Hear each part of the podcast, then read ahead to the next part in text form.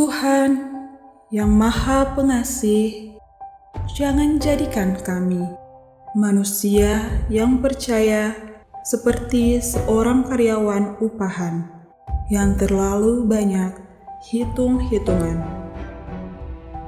Ampuni kami yang selalu saja tergila-gila dengan bayaran, bahkan saat diminta melakukan hal-hal kecil.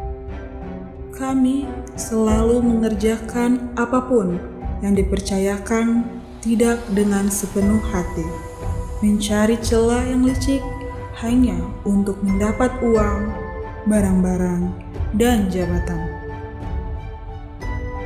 Belajar ayat-ayat hanyalah untuk mencapai keinginan jasmani, bukan karena kebutuhan hati, dan bukan demi kebenaran kami cenderung tidak memperhatikan apa yang telah diajarkan, dan lebih parah lagi, kami menganggap doa bukanlah kebutuhan, tetapi hal yang biasa.